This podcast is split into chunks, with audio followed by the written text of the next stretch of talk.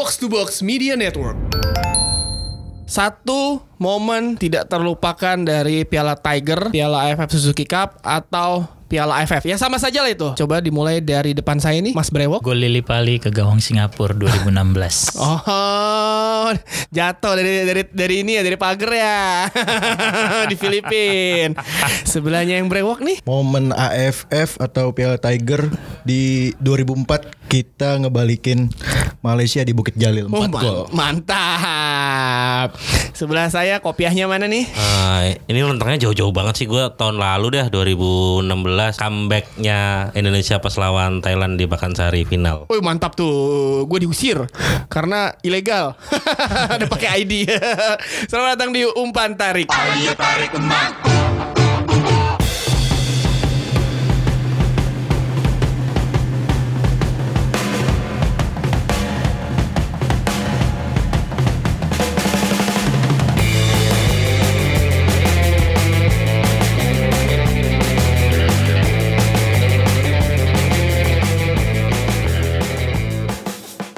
Ya hari Rabu saatnya kita membahas sepak bola lokal. Kemarin gua nggak ada di box to box digantikan oleh Mas Sabto Haryo. Eh, kemarin gue sempat dicela-cela ya kan sama Pangeran Siaan dan juga Justin. Katanya gua pulang ke Bintaro tuh bohongan. Emang beneran bang, benerin rumah. Heeh, ya kali mama kayak ngerjain sendiri. Kan Katanya lu kasihan. gak, bukan jurnalis beneran mas, katanya lu keyboard warrior mas gimana? Ya tuh? iyalah, heeh. Terima duit aja. Oh. Enggak lah menurut lo. Ya tapi gimana ya? Yang namanya jurnalis sih emang kan sudah melalui tahap-tahap menjadi eh, dari bawah ya kan. Gua pun juga dulu dimarah-marahin sama, eh, tapi sekarang kita menikmati hasilnya aja ya kan. Pernah marahin balik nggak mas? Apa? Pernah marahin balik nggak? Hampir sih ada yang mau marahin balik orangnya Eh, ada eh, eh, ketemu di Manila tuh sama masih bersama gua Tio Prasetyo Tomo dan rekan gua Mas Arisa dari Info Sporter dan di depan saya sudah ada dua eh, sepak bola apa Dua tukang nonton luar negeri. dua tukang nonton luar negeri, dua tukang nonton eh, mendukung tim nasional yang kemarin eh, walaupun stadion full tapi akhirnya kita harus merelakan bahwa Jepang memang kualitasnya jauh di atas kita dan kita patut berbangga eh, bermain eh, apa ya maksud gue patut berbangga dengan prestasi yang sudah kita sampai. Perempat final memang kita masih banyak perubahan. Dan ini yang kita akan bahas barengan Fuad dan juga Eki. Ya kan? Iya. Fuad Nih dulu nih Fuad nih Dia Sebelumnya PSMS Pasti nonton PSMS dulu kan Oh iya, PSMS nomor satu, timnas nomor dua. Sebelum gue dinas gimana kemarin PSMS Pas Pak Hari Minggu tuh PSMS tuh kayak MU ya? kadang-kadang. Iya, kayaknya dia Kayak MU, benar. Kenapa? Pemainnya tuh kurang gairah. Gak ngerti kenapa deh. di kandang Sriwijaya bisa menang. Di home menang. sendiri Ah, kalah itu. Di teladan kalah. Padahal Ka- teladan tuh dulu tuh benteng banget gitu loh. Sekarang gampang banget kayak orang nyuri poin di situ ya. Mesti banyak polisi supaya nggak dicuri poin PSMS di sana. Sabar Icuk Eki gimana kemarin lu stadion tapi kan gue ngeliat twitternya gara-gara bola Eh Instagramnya gara-gara bola Iya. Di stadion gue gak bisa menonton Karena gue eh bersama Pangeran Sian menggawangi pertandingan abad ini so, Sassuolo Siaran nomor satu timnas nomor dua. Iya, Sassuolo melawan Bolonya. Yes, Filippo Inzaghi. Timnya nggak bisa nyetak gol, tapi akhirnya nyetak dua gol. Ki, gimana kemarin pertandingan umur 19? Gue nonton di TV sih, gak di stadion. Stadion pasti lebih seru. Oke, eh, AFC U19 kebetulan gue dari pertandingan pertama selalu nonton. Oke. Nah, selalu nonton Eh, pertandingan pertama lawan China TP nonton menang 3-1 yang pertandingan kedua lawan Qatar eh, itu yang luar biasa itu yang Iya, iya, hampir iya. aja kita Pulang ya, lu mau pulang? Ah udahlah, gitu. Tapi Kalau 10 menit lagi itu bisa seri. Iya, iya. iya. bisa Bisa menang malahan. Menanggung Qatar yang gimana gimana? Iya itu yang eh, kit- itu lemes banget sih emang pas lawan Qatar itu kalau udah kalah 6-1 tapi kita bisa nyeriin sampai 6-5. Kita udah juga juga udah tayang di YouTube tuh videonya kalau nanti teman-teman kalau mau ngelihat panasnya gimana Gelora Bung Karno itu itu pas Mantul. lawan Qatar. Nah, pas lawan WA itu yang eh, kita menang 1-0. Iya, gue juga nonton tuh. Nonton juga ya? Nonton juga. Ah. Saking kampret tiketnya nggak ada yang murah lagi. VIP ya, VIP ya. Apa? VIP-nya gimana bang? Nah uniknya itu gue nonton tiga pertandingan grup itu di tribun yang sama dan di tempat duduk yang sama, di seat yang sama. Sudah. Lu ini ya, lu ini. ya? Lu, lu tanda, Lu tandain. Udah ini, ditekin. ini. Eki Ini. lo siapa? Terusnya gini, Eki was here. Eki always here ya guys. Pertandingan pertama lawan China Taipei menang 3-1 gue nonton di Tribun Timur. Pertandingan kedua lawan Qatar itu babak pertama nonton di Tribun Utara. Kalah 3-0 sampai menit 24 ya. Oke. Akhirnya ah 3-0 gue pindah ke Tribun Timur lagi deh. Eh golin Lutfi Kamal 1-0. Oh dia emang ini, emang Iya, dia iya, mikirnya eh, hoki di situ Iya. tuh. ya udah gue sampai babak terakhir eh sampai babak sampai babak kedua selesai gue nonton di situ. Sampai pertandingan uh, UAE juga di situ juga. Di situ juga. Lawan Jepang lu duduknya di situ juga nggak? Lawan Jepang gue duduk di tribun atas. Itu kenapa kalah? Ah, ini semua gara-gara lu Ki. Ah, ah. Mahal om tiketnya mahal. Eh, iya, tapi Anjing eh, gara-gara gue. di luar dari pertandingannya tiketnya emang fantastis ya 800 ribu yang VIP loh. Iya. Dan sholat ya. Sold out. eh, Kayak cuma di Indonesia U19 sepenuh itu. Nah, Padahal gue inget banget sekitar 3 atau 4 tahun lalu, correct me if I'm wrong, ada pertandingan U19 level junior main di Iya. Indonesia, hegemoninya biasa aja ya. Sidoarjo itu tuh penuh. Iya, Sidoarjo. Nah, justru kayaknya 2013 semangatnya kalau di Daerah luar lebih gila Jakarta lagi ya. lebih gila lebih lagi. gila lagi ya. Tapi maksudnya eh, baru kayak misalkan berapa tahun terakhir ini eh, tim junior pun juga banyak yang dukung SEA Games, eh, Asian Games juga, terus ya tim-tim junior kita eh, seperti kita bahas kemarin sama Viola, emang kita udah mungkin kita sudah jenuh dengan tim nasional kita yang dengan kata nyaris, tapi ternyata sebenarnya semua tim nasional kita kayaknya semuanya nyaris ya. Iya. Iya. Nyaris masuk Piala Dunia, nyaris juara Piala AFF, tapi tahun ini harus juara lah Piala AFF. Tapi itu ntar kita bahas di segmen selanjutnya. Tapi sekarang kita bahas sebenarnya yang menjadi perma kita tahu eh, secara mengejutkan Indra Syafri eh, me- men- Menggunakan. menggunakan formasi eh, bertahan. Mereka seperti tahu diri sih. Mungkin Indra Syafri Iya, tahu iya. diri bahwa eh, Jepang kualitasnya di atas mereka, jadi mereka mau mau tidak mau mainnya lebih bertahan dan mengadakan serangan baik. Dan emang iya betul itu betul. Pemain depan Indonesia speednya, Widi, kalau di W4 tuh 20 semua bang. 19. 19 parah banget mentok itu gila berkali-kali itu eh, tapi emang ketika sampai eh, daerah pertahanannya Jepang ya dia bergerak sendiri nggak ada temen yang ngebantu ya. Mungkin inilah apa sebenarnya lu lihat di lapangan sebenarnya apakah ini yang tepat Mas Arisa bagi timnas umur 19 karena gue melihat beberapa orang bilang harusnya ya umur junior mainnya lepas aja menyerang atau apa. Tapi kan ini sebenarnya lu menang Piala Dunia. Ganjaran dan lu lawan Iya. juara bertahan nih ya kan? Apakah bermain bertahan ini adalah sesuatu hal yang tepat bagi Indra Syafri eh, di pertandingan kemarin Iya mau nggak mau, bukan mau nggak mau sih sebenarnya eh, apa ya sadar diri lah ketika itu In- Indra men- menyiapkan 5 back gitu kan. Terus dan memang terbukti Jepang udah mulai agak kesulitan untuk membangun serangan dan bisa mentok mulu. Tapi gol pertama itu kalau nggak salah dari syuting kenceng ya kalau nggak salah ya Luar kota. Dari luar Iya, luar kotak iya. penalti. Artinya kan itu bukan dari skema permainan kan? Berarti, Iya. berarti emang Spekulatif. emang- ya, seperti itu gitu loh. Dan dan dan apa ya?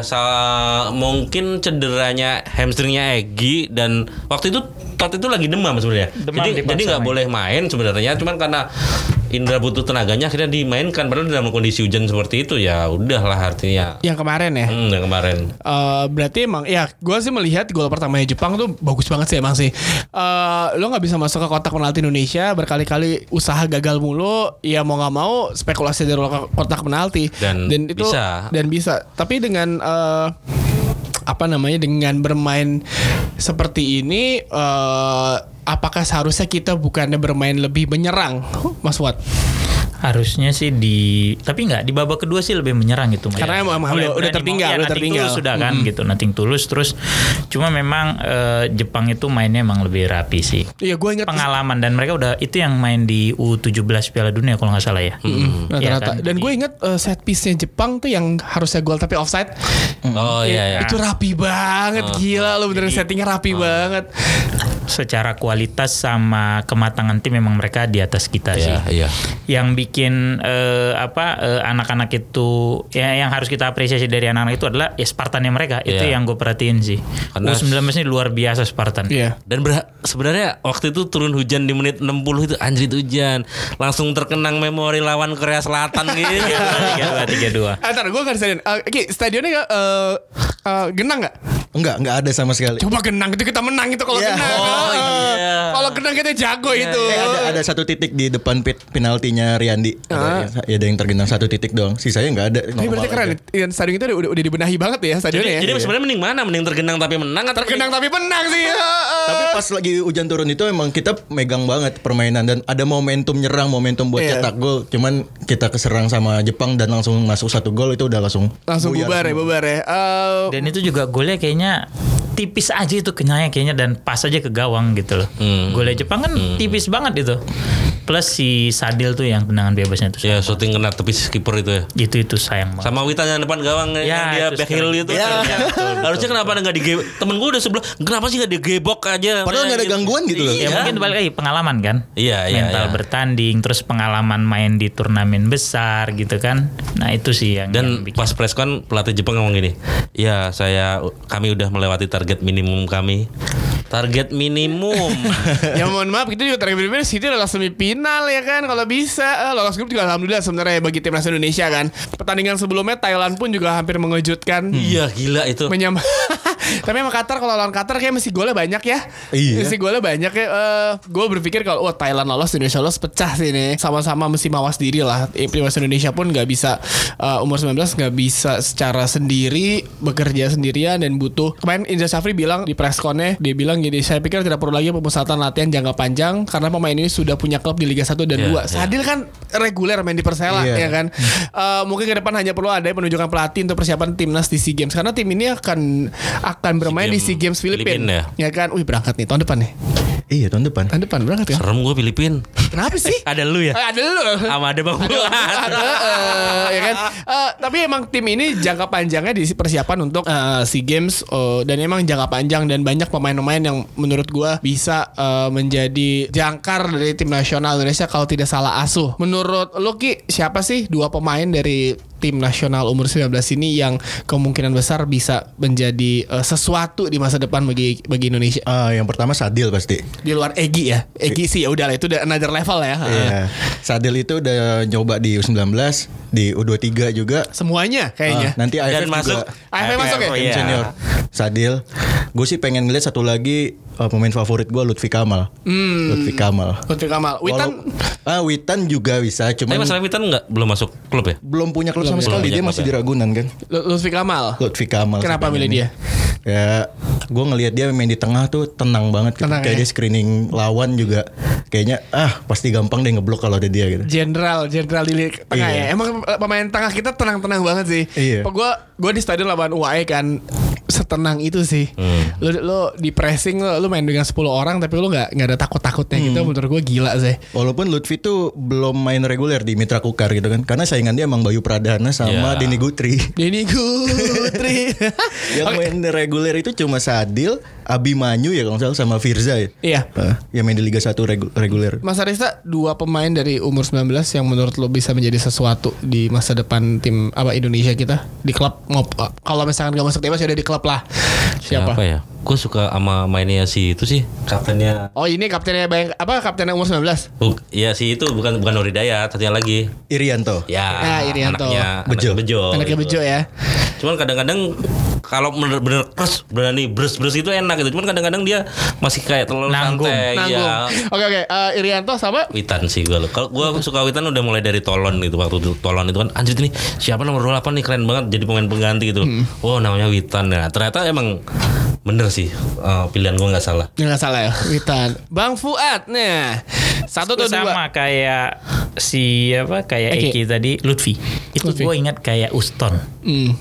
Jenderal di tengah tenang tendangannya keras gitu ya. Akurat ya. Mobil gitu kan.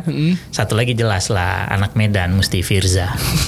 Dan dia akan main di klub di Belgia itu. Oh, udah jadi Iya iya. jadi Ren- jadi berangkat Rencananya sih begitu ya gitu. ya Udah, tapi Asnawi gue juga suka. Asnawi Asnawi eh, PSM kan Ya PSM. PSM. Jadi kadang-kadang kalau gue ngelihat anak-anak U19 tuh kita berasa tua ya.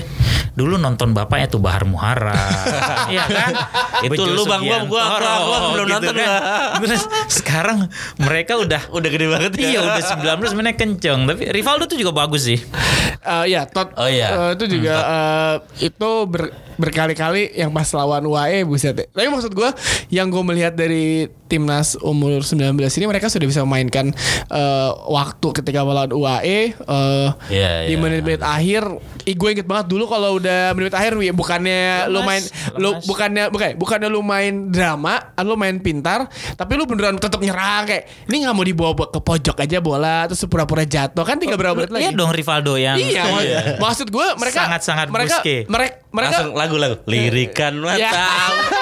Bukan mereka, mereka su- sudah belajar hal itu kan maksudnya ini bukan Pintar, su- pintar, sesuatu pintar. yang hal yang dilarang semua tim pun kalau terdesak apalagi kalau tim-tim di Piala Dunia lah tim-tim turnamen gini Tapi kan kemarin Jepang nggak ngedelay loh. Enggak karena Enggak. Jepang Jepang ya dia mereka kalau menurut gua karena Jepang tahu kualitas Iya, mereka iya. tuh di, di atas atas Indonesia kita. dan di sepanjang pertandingan mereka menguasai pertandingan dan lu lihat back-backnya Jepang tuh. Buset badannya Bang. Heeh.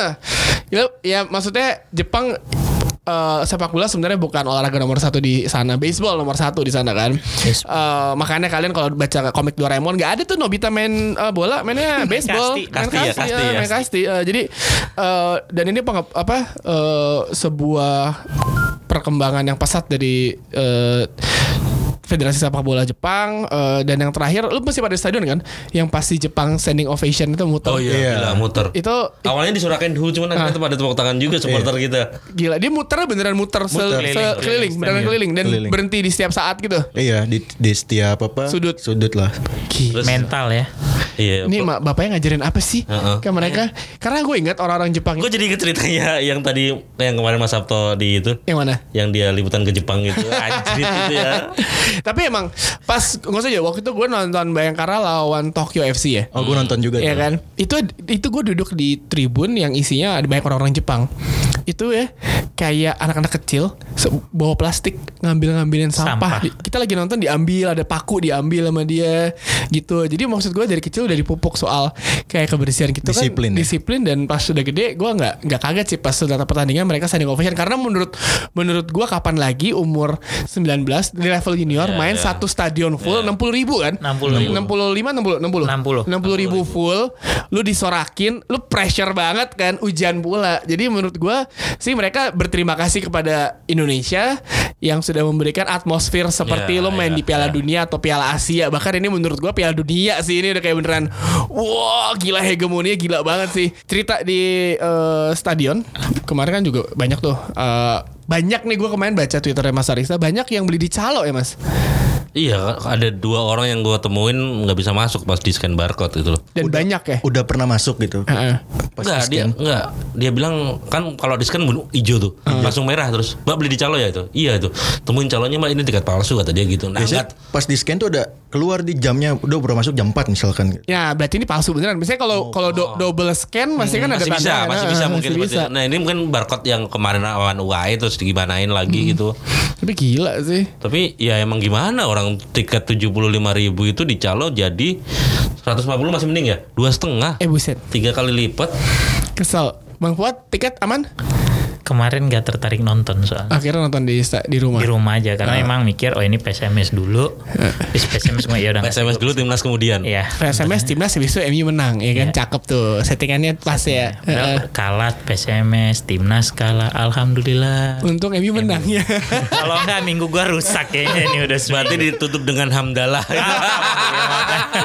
Kayak lo beli, ada permasalahan pas beli tiket Nggak ada sih, nggak ada. aman ya? Aman. Eh, ada maksud gua ya lu udah sering banget nonton di stadion lah. Iya. Eh, kemarin full house. eh, menurut lo apakah hal ini akan keulang kembali ketika AFF Suzuki Cup? Pasti sih pasti karena ngelihat di sosmednya AFF itu udah kayak ngebakar semangatnya negara-negara peserta gitu. Apalagi Ngeliat kita ketemu Sven Goran Eriksson.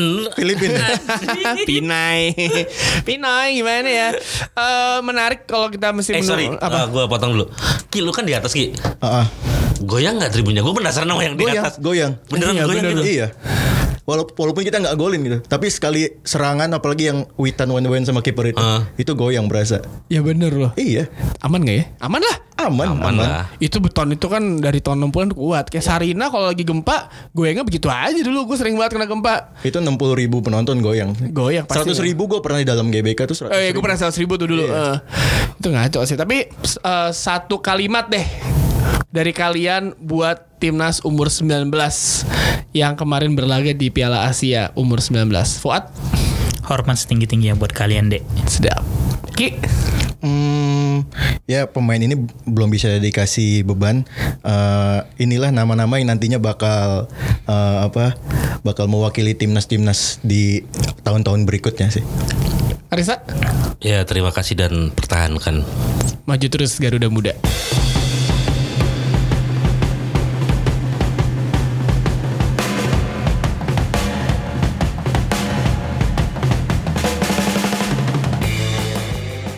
About tim nasional karena eh, bulan depan kita sudah dipastikan akan mendukung tim nasional senior saat ini. Kita berjenjang ya keren ya umur 16 selesai, umur 19 dan sekarang saatnya kita mendukung tim nasional senior yang mana pada eh, hari ini pada jam ketika kita eh, sudah tag podcast ini nama-nama pemainnya sudah keluar. Penjaga gawang seperti biasa, eh, Andri Tani sudah pasti ada lah ya. Muhammad Rido Borneo FC, Awan Seto. Ya udahlah ini tiga ini selalu ini Putu Gede, Juni Antara, Bayangkara, Gavin Kwan masuk, Hansamu, Fakhrudin Arianto, Madura, Bagas Adi, Friki Fajrin. Wah ini gue suka nih pemain nih. Eh, versatile bisa kiri bisa kanan bahkan jadi back tengah juga bisa nih Ricky Fajrin ya kan Alfat Fatir wah menarik Alfat, Alfat masuk Rizky Pora oke dia pasti Zulfiandi Hargi Muhammad Hargianto Bayu Pradana, Vano Lilipali, wih, Yance masuk nih. Evan Dimas, ya kita butuh dia lah ya.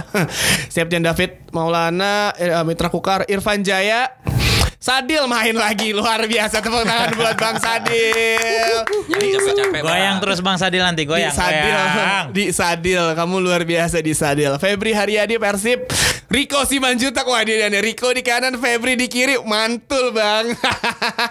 Gue mau lihat Riko ngacak-ngacak pertahanan orang, ya kan.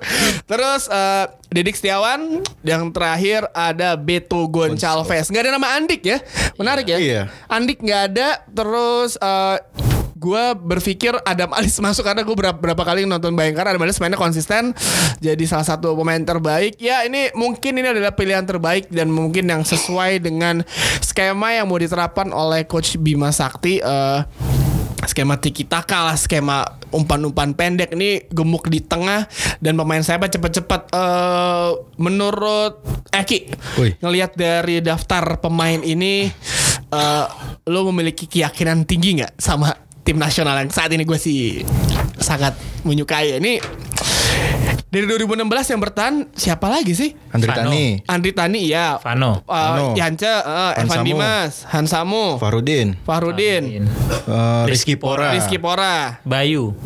Bayu, ya, Bayu Pradana, Bayu Pradana. Udah kan? Evan ya? Evan, Evan. udah, ha, udah itu udah kan. Sisanya nama-nama baru kan. Gila Bima Sakti udah kayak Gareth Southgate nih. Anak-anak muda semua ini ya kan. Yoi.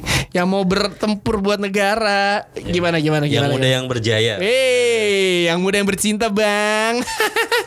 gimana? Ki, eh, menurut dengan eh, Squadnya. squad ini? Ini kan skuad eh, mayoritas mulai dari SEA Games 2017, Asian Games kemarin 2018, eh, terus kombinasi sama pemain-pemain senior. Ya, gue ngelihat kemarin timnas U23 di Asian Games 2018 sih yakin sih sama skuadnya untuk AFF sekarang. Kemarin pertandingan terakhir kita yang kalah sama UAE UAE, itu ya yang- adu penalti kita bisa golin menit 93 Uh, Yance lah ya kan. Uh-uh, Pano Stefano- Lili Pali. Pano Lili Pali itu kita benar-benar ngurung pertahanannya si UAE akhirnya dapat gol di menit 93. Gue gue inget kalau kata Rocky Putira waktu itu wawancara Uh. itu adegan itu udah bisa bikin orang-orang Arab eh, apa eh, jatuh-jatuh nggak Iya. nggak punya nafasnya habis ngap-ngapan. Kita dulu nggak bisa nih mereka udah bisa. ya. gue sih ma bapaknya nggak pernah sebelumnya ngelihat timnas bisa golin di menit-menit terakhir gitu ya. Dulu, Ya, ya, dulu ya, gitu ya, ya. ya, ya. Menit 75 Semangatnya juga Ah. even yang dari tim junior juga kayak gitu kan. Iya. Udah dipupuk nih ya. Ah, jadi berarti ini lo 100% eh, yakin lah ya. Ya setiap edisi AFF sih selalu bilang ini saatnya kita. Ini saatnya Udah kita." bosan sih. ini saatnya gitu. Tapi ngelihat dari timnas eh, Thailand pun yang nggak me- membawa tim pemain-pemain yang dari J League eh, karena si AFF ini kan nggak terdaftar di FIFA ya. Iya. Iya kan? Nggak ada kalender FIFA. Nggak ada nggak ada kalender FIFA kan ini. Setahu gue, correct me if I'm wrong ya. eh, pendengar kita setahu gue sih nggak ada. Si game kan juga nggak ada. kan? Iya, jadi eh, ya ngapain make pemain utamanya Canatip gak dibawa, eh Songkrasin Tirasil Dangda juga enggak. Iya. Ya dengan pemain yang ada Thailand juga masih tetap menakutkan bagi kita kok percaya bagi kita. Eh Mas Arista tidak adanya Andik ini sangat mengejutkan nih. Padahal Andik kan mungkin bisa menjadi salah satu kartu as bagi tim nasional Indonesia. Apa apakah dengan tidak adanya Andik menjadi sebuah kehilangan besar bagi tim nasional kita di AFF nanti? Hmm, iya mungkin nggak ada Andik sangat ya nggak disayangkan juga sih ya mungkin Coach Bima juga udah lebih tahu komposisi pemain yang dibawa lah gitu mungkin dan gue ngelihat pemain-pemainnya juga optimis lah tanpa meskipun nggak ada Andik gitu loh masih di lini tengah masih oke lah gitu kalau menurut gue Oke, eh, Bang Fuad. Seberapa, seberapa besar nanti peran Evan Dimas kita tahu Evan Dimas adalah metronom dan hati dari setiap kali tim yang dia eh, mainkan. Dan terakhir gosipnya dia mau ke Chonburi. Kita belum dapat kabar terbaru. Kalau dia jadi pindah ke Thailand good luck. Eh, tapi kalau di Chonburi kemungkinan besar dia nggak bakal jadi gelandang bertahan karena gelandang banyak banget di sana. Numpuk ya kan Bang Fu gimana menurut lo Evan Dimas Ntar kita Harusnya teriak-teriak. sih ini puncaknya dia ya bisa dibilang 2014 dia dibawa dimainin cuma satu partai lawan Laos langsung tuh. nyetak gol kan? Yoi. kita nonton yang Kita lu didatengin polisi ya yang lu ditambahin tentara ya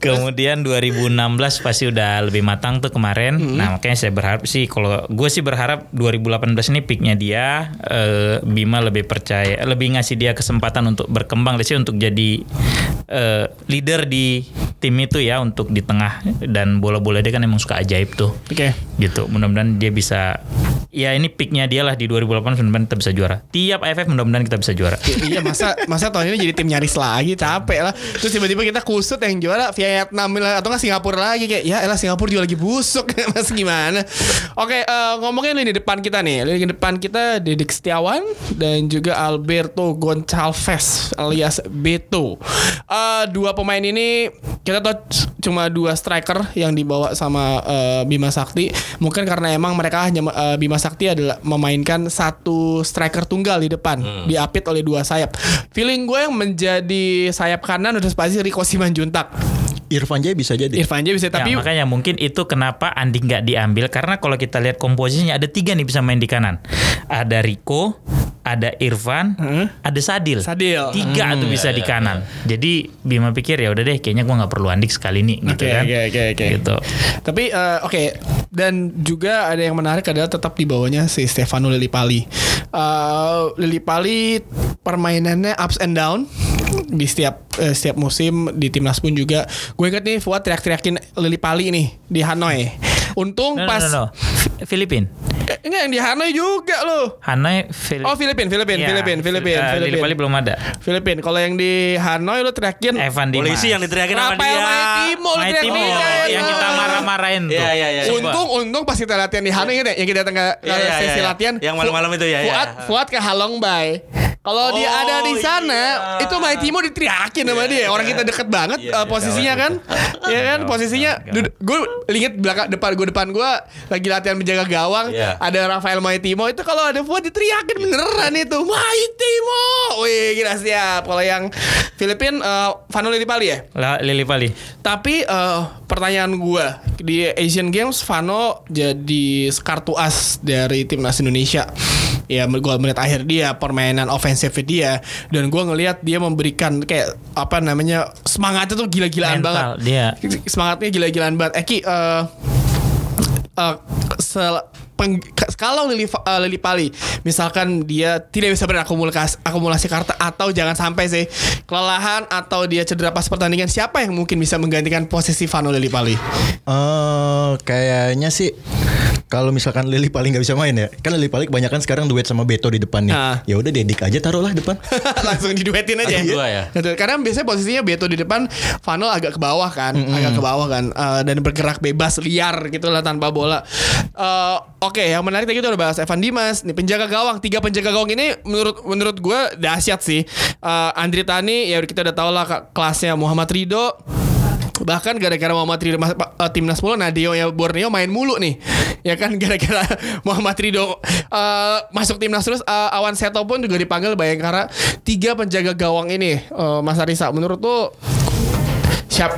Ya udahlah kita ada mung- kemungkinan besar Ya, Andri Andri Tani. Tani, ya. tetapi siapa yang bisa eh, menjadi nomor dua bagi Andri Tani. Ini yang menarik nih. Muhammad itu awal gue pribadi, gue sih Kemungkinan one set lah ya. gue kenapa gue berpikir eh, Emrido ya? Awan Seto pasti, iya Awan Seto juga jago sih. Heeh. Oh iya sama-sama sih sebenarnya itu levelnya juga ya udahlah maksudnya seta- sama lah kalau menurut gue bingung mana mending juga itu. Iya tapi ngeliat kejadian yang terakhir yang gue kasihan sih sama Andri Tani yang pas final Asia, apa apa yang pertandingan kita Asian Games itu Iya. yang ada penalti yang Instagramnya akun media sosial dibully sama semua orang. Karena ya menurut gue emang lu jadi lu pikir jadi kiper gampang, Gampang apa 90 menit lebih lu main ya kan? Lu dibombardir kayak gitu lu nggak stres. Adu penalti kan butuh mental juga kan? Dia kebobolannya penalti doang loh di situ. dan posisinya sama. Kok mana gerak ke kanan mulu atau ke kiri mulu kayak sama gitu Iya. sehingga gue kayak ya mungkin dia kayak udah ya udahlah ya eh, gaming karena sebagai penjaga gawang kan krusial kalau penalti oke lah menarik nih AFF Suzuki Cup kita segrup bersama Timor Leste kita pertama lawan Timor Leste dulu kan Singapura. Eh Singapura dulu ya. Singapura, Away dulu Singapura, Timor, Leste, Thailand, Thailand, Filipina. Terakhir. Eh, kita sama-sama semua dukung ke Stadion GBK.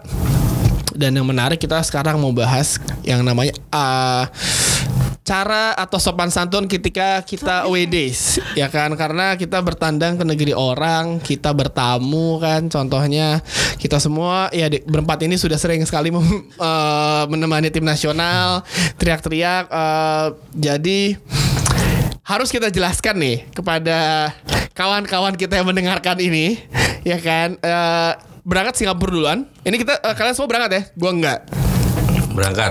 Semoga nggak ada jadwal lah weekend ya. Heeh, berarti kalian berangkat, berangkat, berangkat, berangkat. Berangkat. Oke. Mungkin untuk yang di Singapura kalian bisa share uh, itinerary kalian. Kita kalian ketemu di mana, ngumpulnya di mana. Mainnya di National di Kalang kan? Kalang. Iya, Main di Kalang. Wah tuh tinggal enak banget tinggal naik MRT doang tuh ya kan. Turun Enak gua. banget Stasiunnya ke mana maksudnya enak banget ke Gelang sektor berapa Ya gitu kan lu. Gelar ah. berapa gitu ya. Lorong- berapa Lorong berapa, Anjir, kan gua pernah gitu. salah naik M- naik MRT harusnya kan ke sebelah sana untuk ke pasar apa itu pasar apa itu yang yang yang kecinan itu Pasar rumput, pasar Nah, rumput. itu Hmm. terus ke- malah ke arah balik loh ini kok lorong-lorong segala macam ini. wah salah gua salah naik gua Sengaja salah. salah beneran Lu pakai kopi Bang. nggak waktu itu? Iya, iya, iya. untung dicopot sih Malu-maluin lo ya kan. Oke, eh, mungkin Aiki bisa dijelasin. Lo kan pasti udah banyak yang mau ikut berangkat kan, ketemu bareng. Eh, meeting pointnya untuk di Singapura tuh kalian mau ketemu di mana hari Jumat pertandingan malam ya? Hmm, Iya. Teringat Eh, malam. Jumat sore apa malam ya? jam 8 Jam 8 malam, malam ya? Berarti jam 7 waktu sini. Jam 7 8 sana jam- waktu wib. waktu sini. Oke, berarti kan ngumpul ngomong jam 7 atau jam 6 berarti kan. Sholat maghrib dulu lah di stadion. Heeh. gimana? Eh, kalian ada titik temu atau gimana tiket Kalau- dan lain-lain? Mungkin bisa jelaskan? Langsung di stadion sih paling ketemu. Nah untuk tiket biasanya. untuk tiket kemarin udah On the spot. udah bagian nyanyi on the spot. On the spot Online aja. tapi ada si stick. online Uh, ada. online itu ada 18 dolar. Sports Hub itu Cuman ya? masalahnya Hmm? kita nggak tahu di di Sektor apa? berapa bang. Ntar kalau Iya. gua salah beli tiket tuh gimana? Oh jadi so far belum belum ketahuan Iya, timnas iya. di sektor berapa ya? Tapi biasanya kalau misalnya kita ke away gitu kan eh, kedutaan juga menyiapkan kan. Tapi apa mungkin karena eh, karena apa namanya karena dekat eh, dekat kedutaan, kedutaan Singapura sebelah mana ya? Gue belum pernah ke belum kedutaan. ada ada di ini duh Orchard ya. di Orchard situ lah. Oh. apa namanya? eh, Iya. Berarti kalian belum belum belum tahu tribunnya di mana? Untuk fans belum tahu Mas ya? Belum tahu sebelah mana. Dan kebetulan gue selalu nonton di National Stadium itu pas si game 2000 berapa itu yang di 15. Singapura? 15 semifinal sama final dan itu nggak rame. SEA Games. Eh, karena Indonesia ketemu kalah sama Thailand. Iya ketemu Vietnam kan. Gue inget banget tuh iya, pas pas ketemu ketemu Thailand gue nggak nonton tuh. Gue ke ini eh, pantai yang pantai buatan pakai pasir Indonesia. Sentosa. Sentosa, Sentosa. ada acara udah pasti kalah lawan Thailand ya kan baru pas ya udah dibantai ya kan Eh, oke eh, Singapura ngelawan Singapura. Singapura juga lagi agak-agak gonjang-ganjing ya kan. Eh, pelatihnya Fandi Ahmad. Hmm. anaknya pasti dibawa juga. Eh, kita melawan Singapura selalu ada ini selalu ada bumbu-bumbu. Selalu ada memori tersendiri melawan Singapura. Eh, yang gue inget dulu backnya Singapura siapa tuh?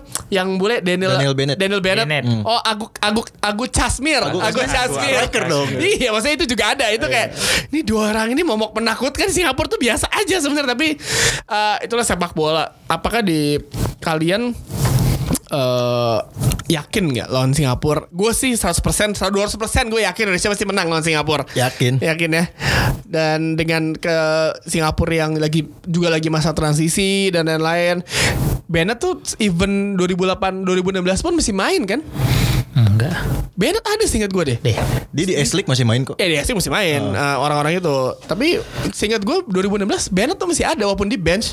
Tapi maksud gue apakah regen- regenerasi Singapura tuh karena orang Singapura adalah negara yang menurut gue nggak terlalu suka sama olahraga apalagi sepak bola lokal. Nah, itu gue juga yang jadi pertanyaan gini, eh bakal penuh nggak ya National Stadium ya nantinya ya ketika ketika itu ya?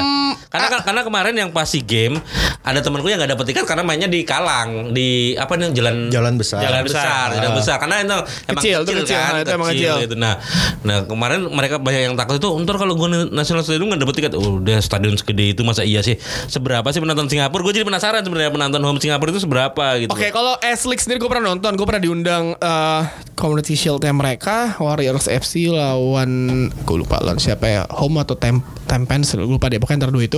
Eh ya pff, mainnya di jalan besar juga. Lo lo pernah duduk di seat media kan? Seat media mana? Lo masuk ke duduk nih di depan eh, di di kursi lo udah ada nasi lemak. Di situ. Iya ada nasi kucing nasi lemak nih ya kan. Terus kita mau preskon, preskon pertandingan ke bawah. Itu gue mau gue teriak, mau mau gue teriakin tuh nggak tuh orang-orang. Anjing laptop ditaruh di situ aja, cuy. Ditaruh aja kayak lu nggak bawa laptop lu enggak aman sini aman Isna ini Isna Jakarta Isna Jakarta lah. ya bebas bebas ya kayak beneran lu kayak dengan santai lu turun taruh taruh laptop aja. Laptop di media center nggak ada yang ngambil. Jadi eh Singapura itu eh, yang gua tahu adalah eh sebuah negara yang nggak segitu obsesi sama olahraga. Iya. Walaupun ya, walaupun di setiap di setiap wilayah mereka ada kayak eh, community house, community club Iya. gitu Iya, lah. iya. Lo, gue gue ingat gue pernah main kendo gue di sana ikutan kendo sama tante gue. Terus ada basket ada, ya pokoknya ada gitu. Tapi mereka untuk kayak profesional karena menurut mereka eh, nggak nggak belum menguntungkan, belum belum, belum memberikan hasil uang. Ngerti ya? Daripada gue jadi pemain bola, mendingan Bisnis. bisnis atau apa make sense kan Ya. karena eh, setahu gua banyak pemain yang main di S League itu tinggal di Johor Baru. Hmm. jadi lu driving dari Johor Baru setiap hari ngelakuin perbatasan ke Singapura. Karena living costnya lebih murah. Dibandingin ke Di Singapura. di Singapura. Johor Baru is the new Singapura. Tapi dia kena random check nggak ya? apa? Kena random check. Fuad kena itu mah, Heeh, ya kan. Tapi eh, ini gue ngeliat ada artikel di Fox eh, pemain tim nasional Singapura berdasarkan penampilan mereka di S League. Ini gue belum tahu eh, yang pasti yang mana tapi nama-namanya eh ya siapa yang gue kenal ya? Siapa lagi sih? Ini nggak ada Agu Kasmir nih Nolam sih. ah lo apa? Siapa partnernya dulu yang di Arema juga Eh, Hairul Amri. Hairul Am- Hairul- Eh, di Arema. Yang oh di sorry, Arema. Muhammad Ridwan. Muhammad Ah, Ridwan. Dua orang itu gawat tuh bang. Itu gawat tuh. Along. Along. Berantem mulu kerjaannya dulu gila gila gila gila gila gila gila. Tapi eh yang ngomongin Singapura ya udahlah ya Singapura eh Irfan Fandi ini anaknya Fandi Ahmad nih. Main di Irfan Fandi sama Iksan Fandi, dua anaknya Fandi Ahmad. Dipanggil. Gede banget badannya bang Segede itu Ya, Istrinya Irfan kan Seinget gue eh Ya Ekspat ya nggak salah Istri Irfan, apa Fandi Ahmad ya Iya. Tapi ya ini Singapura Lagi masa transisi Kemungkinan besar Indonesia bisa Ya Mudah lah Ya Mengatasi pertandingan pertama sih buat modal lah ibaratnya kalau gitu. Mm. Oke kalau tadi kita udah ngebahas Singapura. Nah ini kita ngebahas tim nasional Yang selalu menjadi momok menakutkan bagi kita ya. Thailand cuy. Ini selalu dari zaman dulu Dari zaman kita nonton Indonesia ngebantai Kamboja 12-0 atau berapa puluh nol itulah ya. Mentoknya sama Thailand lagi Sama Thailand lagi. Eh ada pada Thailand yang tadi gue bilang nggak ada tirasil nggak ada lain eh, mereka semuanya lengkap dari eh, liga lokal semua nih. Oh, nggak ada yang nama-nama yang gue kenal. Siapa ya? Oh dari dari Bangkok United juga banyak pemainnya. Sumanya Purisa ini Sanrawat ya titipan Puangca juga main. Tanabot Kesarat nah ini juga galak nih dia kan. Sarah Xuyen ada nggak? apa? Sarah Xuyen. Sarah Xuyen dia main Itu ngeri juga tuh gelandangnya tuh. Gelandangnya. Oke gelandangnya eh, nggak ada namanya nggak ada nggak masuk. Pakon Prempak masuk Canana ya dia nggak nggak nggak bawa Cirasil Dangda nggak dibawa. Eh, Canatip Songkrasin juga nggak dibawa. Eh, Teraton juga nggak ya? Teraton nggak dibawa. Ya nggak dibawa semua nih. Eh, jadi empat pemain yang main di luar kawin. Nggak main Tirasil nggak bawa Tiraton nggak main Canep juga nggak dibawa. Jadi pemain itu nggak dibawa bisa ini kita sih. Ini bisa ini ya kan? Ada yang yang menarik menurut gua eh, Charil Capuis juga nggak masuk timnas. Eh, ini pemain ini kan eh, modelnya liga liga Thailand ya kan? Dia set banget hidupnya. Jadi menurut lu dengan squad yang seperti ini Indonesia eh main di Bangkok gue nonton lagi nih di Bangkok nih ya kan dengan permainan ala kita sekarang eh, Thailand sendiri sebenarnya fokusnya udah Asian Games karena eh, eh sorry Asian Cup Asian Cup. Asian Cup eh, Januari nanti mereka udah fokus ke sana makanya ini dilepas apakah ini saatnya Asian kita Cup itu apa ya?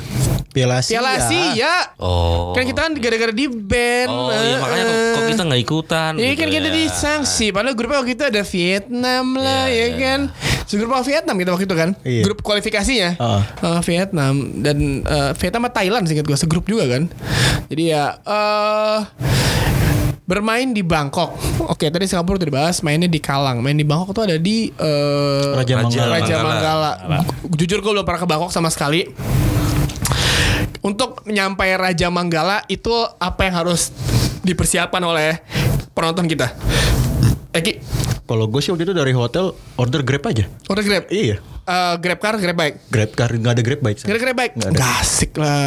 Berarti tapi kalau yang yang ikut turnya Mas Arisa udah tinggal jalan dong ya? Iya tinggal jalan. Tinggal jalan dong ya, tinggal beres ya. Tinggal beres Itu dijemput. stadion itu jauh gak sih? Gue gak tahu sih gue. Lu udah pernah Bu? Udah kemarin final. Ya sama Arista, sama Iki. Gue gue sekamar sama Bang Fuad. Oh iya. Malam pertama. Au, si- Ab- ab- abis itu bantal gue dipakai sama Darius. Malam Malamnya kedua, malam kedua gue sama Darius. Jadi kayak gue digilir. ya ya ya ya maksudnya dari misalnya kalau kita mau booking hotel itu yang kalau misalnya cuma mikir deket stadion prefer di, di hotel apa kan mungkin lo yang terakhir dekat stadion kan Iya itu kemarin enak itu apa bang? Platinum. Platinum, Platinum Suite. Platinum, Suite, itu nggak enak. terlalu mahal. bagus Eh, ya ba- dan pertanyaan gue lu ma- bu- buka pintu kamarnya anyep nggak enggak. Enggak, bagus ya. Bagus. Itu yang merasa kalau kamarnya mm. Hmm, Jangan. Cuma yang jelas mesti disiapin kalau WD itu mental lah. Oke. Iya ngerti gue. Enggak, gue gue jadi inget gue gue itu main main jam berapa sore itu ya. Terus gue tiga jam sebelumnya udah di stadion. Terus gue ngecas handphone di cafe itu kan sama Bang Fuad. Terus dia itu ketinggalan bendera. Benderanya ketinggalan di hotel. Terus lu naik go- naik ojek berapa duit itu? Naik Gojek. Enggak, enggak, enggak, enggak. Bukan naik ojek, naik Oh, ojek yang biasa, ojek. naik Ojek ojek biasa yang enggak enggak pakai aplikasi. Gue lupa deh itu pokoknya sekitar kalau dirupiahin mungkin 40 ribu. Ah, sepotong kue lah buat Bang Iya. Fuad mah. Tapi, bolak balik kan, lu ngambil ngambil iya. bendera doang kok. Terus balik lagi kan ya. lagi, iya. Iya gue bilang, anjir bendera ke hotel bakal diambil segala kayak ojek gitu. Tapi kalau di Bangkok itu fansnya ya kita tadi udah bahas eh, Singapura fansnya ya begitu aja lah ya. Wah, kalau di Bangkok ada Di Bangkok gimana? ada garis keras garis enak kerasan. gitu kalau di Bangkok Eh, enak. gimana, enak, gimana, enak, gimana? enak. Karena itu tadi dia ada ultrasnya tuh. Iya, yang berisik pojok. minta ampun. Yang bakar-bakaran Ya, kayak, waktu ah, itu kan bakar-bakar flare gitu kan. Nah, itu yang sempat gue protes kan waktu itu sempat didatangin. Gue duduk di apa? eh, ring eh, apa di center di itunya kan, di railing dimarahin suruh turun gue bilang itu yang lu kalau mau larang larang sana tuh matiin flare-nya gue bilang gitu gue nggak mau turun pikir Enggak, masalahnya gue di Bangkok nggak nggak deketan sama dia jadi gue Iya. nggak tahu dia berantem sama siapa dia. Gimana gimana terus terus terus. terus. gue duduk di pagar pembatas Ah. sama kayak kita waktu di Hanoi kan kita disuruh mundur Iya, kan. Ya, disuruh mundur gue bilang nggak mau gue bilang nggak lu turun nggak kalau lu mau larang kita nih supporter tamu supporter lu, lu atur gue bilang Ah. karena itu mereka bakar flare gue bilang gitu jadi terakhir dia pergi juga si polisinya gue duduk tuh di foto sih ada Udah capek ya? bosen kali Udah capek. Ya iyalah, gue juga males. heeh. gue jadi inget itu kan waktu itu kan final terus ada banyak keluarga pemain yang di- didatengin make eh, pesawat pesawat Hercules atau apa itu Ah, ah. ke sono terus ada ada siapa ada siapa ada bapaknya siapa gitu ngom eh, nonton. Terus lupa gua. Terus di depan di depannya ada supporter Indonesia protes. Oh mainnya kayak tai apa gimana itu itu terus itu dari belakang digaplok sama bapaknya. Emang lu pikir main bola gampang kata dia gitu. Digaplok gua lupa. Gua gua menerikan neriakin pemain siapa gitu pokoknya. Terus itu ternyata keluarganya dia di belakangnya. Terus emang lu pikir main bola gampang? Itu anak saya kata dia gitu. Akhirnya dia minggir itu Nah ini ini ya, nih ya buat kalian yang mau away days nih ya, eh, atau enggak yang kalian nonton terus kalau misalkan timnya timnas kita main jago terus kalau kalian marah-marah, iya bener sih emang pikir main bola gampang, ya kan lu coba main bola dengan baik dan benar deh, capek bang capek. Oke untuk di Thailand sendiri, eh Fuad berangkat, Insya Allah berangkat. eh, Mas Alisa enggak ya? Enggak kayak kerja gue Eki Enggak juga. dari gara-gara bola yang berangkat, Ada Fadli. Ada. Fadli berangkat. gue berangkat, kita ntar gue nggak tahu ketemu. Nah di di Heeh. kalau di Singapura 18 dolar itu udah dua ratusan ribu ya. Iya. Di nah di Thailand itu udah ada Udah ada eh, section. Udah di udah di, Sama. dijual tiketnya 500-an 600-an bat gitulah. itu berapa tuh? Tiga ratus ribuan juga. Ya sekitar itu ya. Cuman udah di tiket major udah di- dijual, udah, Udah ada, ada. udah ada grup away-nya. Kayaknya posisinya sama ya, Bang. ya? Sama. Di sebelah kanannya, kanan, Kanan. yang sebelah itu ya. deket. Beli dulu deh gue, walaupun gue udah ID ya kan. Tuh, itu sih. Jadi eh, kita sebentar lagi akan mendukung tim Eh, nasional Indonesia. Terus jangan lupa ke mana bang, bang Fuad kalau malam. Oh. Kausan. Nah itu gue diajakin ke situ. Gue gak tahu ya, gue belum belum pernah ke Bangkok nih yang nakal-nakal siapa gue gak tahu ya. Nakal, nggak nakal. Jadi itu Cuma emang ngeliat jalan. orang makan kalah jengking Ya. gitu-gitu aja kok. Oh. Lu ngeliat gak bang ketika kita sebelum belokan itu kan ada kantor polisi yang Ya, gitu. gue foto kan di situ. Iya iya iya. iya. Di pojok gue foto. Karena gue setiap away, gue pasti datang kantor polisi dulu. Ya, datang kantor polisi mau nyari hard rock. Nggak? Nggak? Kantor polisi hard rock nomor satu kantor polisi nomor dua kan tertib kita kan lapor gitu kan Seru sih ini kampret lo emang ya. Oke, eh, terakhir buat yang mau WD sekalian ada pesan-pesan nggak eh, Bang Fu? Eh, siapin mental duit terus eh, lebih bersatu lah di sana sebagai orang Indonesia eh, apa jaga jaga jati diri kita sebagai bangsa Indonesia kita sopan sama mereka tapi kalau mereka colek ya nggak apa-apa kita balas Iya ya kan? Itu yang gue tunggu. Itu yang gue tunggu. Yang penting kita sopan, gitu kita sopan dan eh, mungkin bagi yang belum pernah pada saat eh, kita nanti keluar kita akan mm, merasakan betapa lagu kebangsaan kita tuh dihargai. Tidak pernah ada supporter lawan tuh yang Tuh yang membu lagu ya ya ya. ya. jadi bagi kalian yang masih suka ngebuin lagu kebangsaan dari negara lain setiap mereka main di Indonesia, kalian berpikir dua kali lah. Karena kita nggak pernah di luar di treat seperti itu nggak pernah. Nggak pernah. Sangat, mereka sangat Mereka respect sangat sama, respect. sama sama eh, lagu, kebangsaan masing-masing. Di luar itu lu mau intimidasi pemain lawan mau maki apa itu silahkan gitu loh. Jadi bagi yang stres mungkin kerjaannya diputusin pacar atau apa punya duit lu berangkat deh lepasin stres lu deh stadion. Enak loh itu. Ya kalau nggak dapet tiket kan bisa ke mana kayak Bangkok. Lost in Bangkok ya kan. Eh, Eki, Ya kalau saran gue sih kita eh, cari yang promo-promo aja deh. Udah gua- habis Ki, udah udah mepet banget nih. Iya. Masih ada nggak yang promo? masih ada sih Masih kayaknya. ada ya? Kalau gue, gue sendiri Gua traveler yang 900. low budget. Lo aja tuh. Ya pasti lah, pasti Singapura doang dong. 2 jam doang. 900 tapi ku dari Bali. Lah lebih murah lagi tuh. Nah lu ke Bali deh mendingan. Gimana lagi? Lanjut Ki. Iya karena sendi gue sendiri sih traveler yang low budget gitu kalau cuma buat nonton bola doang. Ya, kecuali sama pasangan ya. Hmm, belum ada. ya karena gue Tapi, keluar tapi lu negeri, nginep, lu nginep. Nginep di, di, Singapura nginep. di di dekat stadion di Kalang. oh. Balik ke apa? Oh gelo. Gua tahu kenapa dia nginep di situ. Berapa? Iya. Saudara Eki. Pulangnya Sabtu besoknya. Sabtu besok. ya? Malam. Oke. Oh, malu oke, gua oke. pagi. Tapi kalau low budget semangatnya Mas Arista, gue salut. Wah, Canggih. Gue diusir di canggih gue. Gue harusnya ngomong aja gue temennya Bang Fuad gitu ya. Enggak, gue gue gue pengalaman pas di game itu bener-bener gue anjir ini gue tidur di Ciangi. Gue datang jam 1 flight terakhir dari Jetstar jam 1 gue beli minum sama pisang terus gue makan di yang kan beda terminal. Gue turun di terminal 3, gue makan yang ad- eh terminal 1 yang ada sender-senderannya itu yang Iya. yeah. terminal 3 kan itu Iya. kan. Nah, udah di situ terus setengah tiga gue bener-bener capek kan dibangunin pakai senjata gitu. Anjir itu. Boarding pass, boarding pass. Gue bilang nggak ada boarding pass. Gue besok pagi mau mau naik MRT paling pagi. Pertamanya sukses. Kedua langsung ke komandannya. Wah nggak bisa. Lu, lu harus keluar di foto password gue. Kan gue di terminal 3 Gue keluar imigrasi terminal 3 Begitu gue keluar imigrasi nggak boleh. Karena gue datang di Satu, satu gue harus keluar satu, satu, iya. ya udahlah terpaksa gue balik lagi. Ah. balik lagi gue pikir masih ada skatrans Ah, gue udah nggak ada. ngantri. Udah nggak ada kan udah jam 3 udah karena jam satu doang kan. Ketemu bapak-bapak yang moto itu tadi kamu mau ke mana? Orang dibilang suruh keluar keluar kata dia. Anjir gua, Pak saya itu mau ke gini dengan bahasa Inggris yang terbata-bata gitu kan. Gue mau ke terminal 3 ter- gini gini gini. Oh ya udah keluar. Diikutin sampai terminal 3 keluar. Begitu udah keluar udah ditinggal balik sama dia. Wah digebukin tuh. Iya makanya jangan-jangan itu yang Eh, lo ada ada pesan buat orang-orang anak-anak eh, Enggak sih karena beberapa kali ada yang mention gue bingung uh, away ke Singapura. Yang penting sebenarnya uh, siapin tiket, tiket pesawat aja soal imigrasi mah ya udah pede-pedean aja lah. Yang penting nggak berewokan aman kalau menurut gue sih. Udah terus tiket match sih sebenarnya nggak perlu panik karena kemungkinan banyak on the kosong spot kok. sih banyak kosong. kemungkinan banyak sih Kalau gitu. di Singapura kalau di Ba- Bangkok sih gue nggak nggak nggak yakin. aja ya. ya, ya kalau Bangkok Nggak ya. yakin lah. Waktu final 2016 tuh gue dapet dari KBRI. Eh ya biasanya KBRI nyiapin. Karena itu udah diblok untuk RI1 kan katanya kan karena kita beli online kan udah habis semuanya kan. Enggak, gue dapat online. Karena Bang Wat duluan belinya. Ya, beli Iya. ha. Kalau dua hari sebelum hari H udah pasti susah itu. Tapi emang itu pertama yang gue beli tuh tiket AFF sebelumnya emang biasa dapat dari KBRI, Hmm. pernah dapat dari teman-teman wartawan gitu. Yang pas itu aja sih baru. Eh ya satu lagi cerita. Gue saking buru-burunya ke Bangkok waktu itu udah masuk bandara, ID card gue ketinggalan. Hmm, emang. ID card gue ketinggalan. Sedangkan itu tiket susah pas dua hari sebelum hari H. Anjir gue besok masuk pakai apa? Beruntung gue punya temen Bang Fuad. Adek gue gue suruh nyekat ke bandara.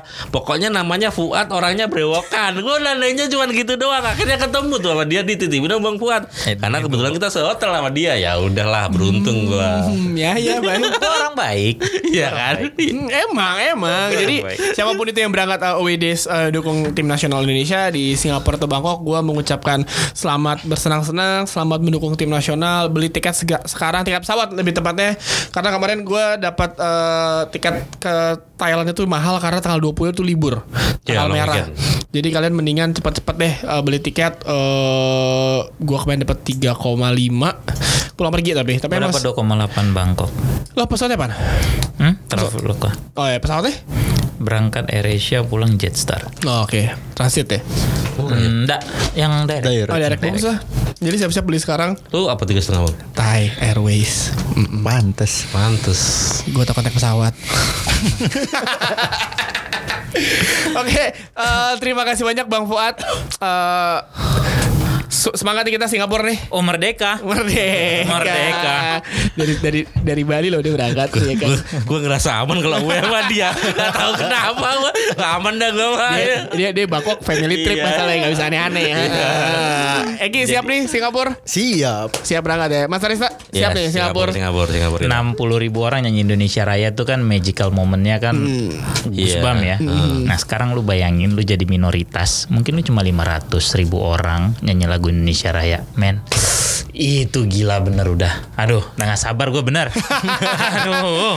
Oke, eh, Sabar kita sa- banget. semua ketemu saling mendukung tim nasional itu eh, either itu di GBK atau nanti di luar negeri. Kita sama-sama bersatu ngedukung eh, merah putih, ngedukung Garuda di dada dan yang pasti adalah eh, sampai jumpa di podcast kita pekan depan dan yang paling menarik adalah Duh gak sabar gue ngeliat timnas ini bermain ya Ini gue mau ngasih contoh aja nih ya Apa? sebelum closing. Ini di Hanoi jam 2 dini hari. Indonesia Indonesia Evan Dimas Evan Dimas